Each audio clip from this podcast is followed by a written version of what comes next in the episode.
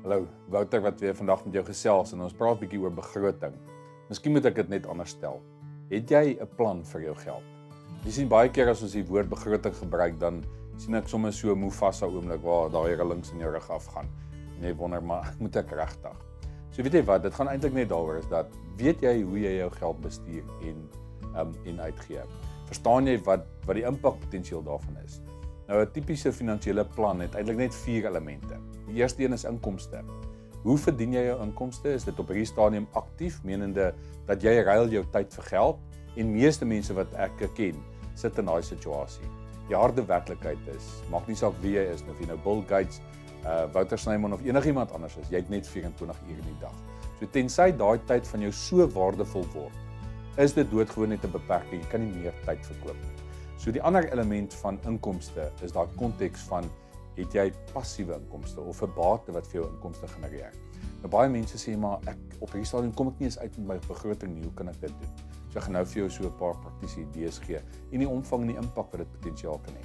So inkomste is die eerste deel van daai finansiële plan van jou. Die tweede deel is uitgawes.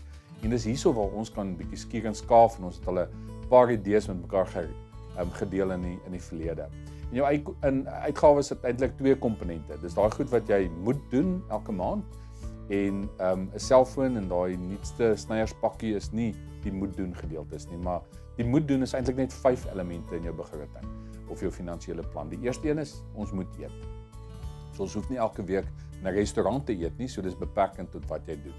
Tweede ding is ons moet verkieslik klere dra. Ek dink dit werk nogal ehm um, en die bedeling goed daar buite moenie kaal daar buite rondloop nie. So jy moet maar vir jou klere gaan koop. Maar weer eens die snyerspakkie is nou nie noodwendig dat dit nodig het nie. Die derde element is ons het vervoer nodig. Nou lees daar is daar elemente soos Uber en hierdie tipe van goed wat ons dinamika en gedagte rondom vervoer verander. Maar kom ons neem aan jy het jou eie vervoer. Die vierde element is dat jy moet in 'n huis bly of jy moet iewers bly. En hier's ook weer nuwe um, ontwikkelings wat daar buite gebeur. So dink bietjie daaroor hoe jy dit doen. Die laaste een is basiese versekerings. Ek dink ons lewe in Suid-Afrika en daar's 'n risiko, daar's 'n risiko vir gesondheid en om 'n mediese fonds te hê en daar's ook 'n risiko dat jou voertuig dalk beskadig en en 'n korttermyn eis moet moet insit. So daai is die vyf basiese goed wat jy uitgawes moet deel. Jy sien wat ons dan doen is die volgende gedeelte. In hierdie uitgawes as jy dit kon dek, gee vir jou sekuriteit want jy is gemaklik in jou omgewing. Die tweede komponent van uitgawes is daai leksede. Ehm um, dalk is dit 'n oorseese vakansie of iets in daai lyn. Verstaan dat dit nie in die eerste 5 moet kom nie. Dis nie 'n moet nie. Dis 'n lekker om te hê. Dis iets wat jy kan uitsien na. Maar moet dit net nooit doen met die verkeerde geld ehm um, immer nie. En ek gaan nou 'n bietjie verduidelik wat ek bedoel daaroor. So as jy inkomste en uitgawes verstaan, doodgewoon meeste mense in hulle finansiële plan weet nie, hulle weet dalk wat hulle verdien, want daar's 'n salaris dood. Hulle weet nie presies hoe hulle hulle geld spandeer daar buite nie. As jy inkomste het en jy trek jou uitgawes af, sit jy met 'n surplus of soos meeste mense met 'n tekort.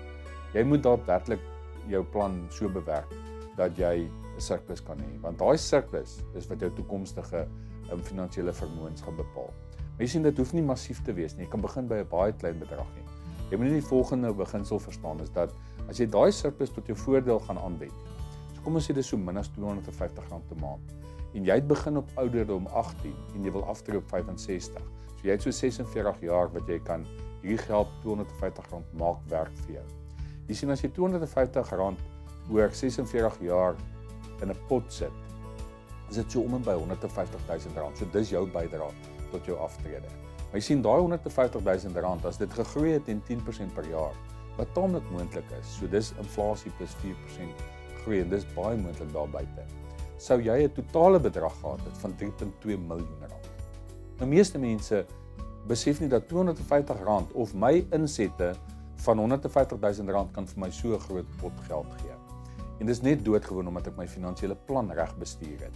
Jy sien, eintlik het jy in daai 100% van jou finansiële pot aan die einde van die dag, het jy net 5% bygedra. Maar jou bates het bygedra tot 'n groei van 95% en dis finansiële oorwinning. En deur jou geld beter te begin bestuur, kan jy hieraan begin dink en dalk kan jy dink maar ek kan nie net R250 wegsit nie, dalk kan ek R500 of bietjie meer as dit doen. En al wat dit van jou vereis, begin met 'n plan. Sonder 'n plan het jy geen idee waar jou geld heen gaan nie. Jy gaan nooit kan planne maak om daai geld beter te begin bestuur nie. Jy gaan nooit op 'n punt kom waar jy nie vir geld hoef te werk, maar jou geld vir jou werk. Ek hoop julle geniet hierdie Jy goeie saam met ons en baie sterkte met daai finansiële plan van jou.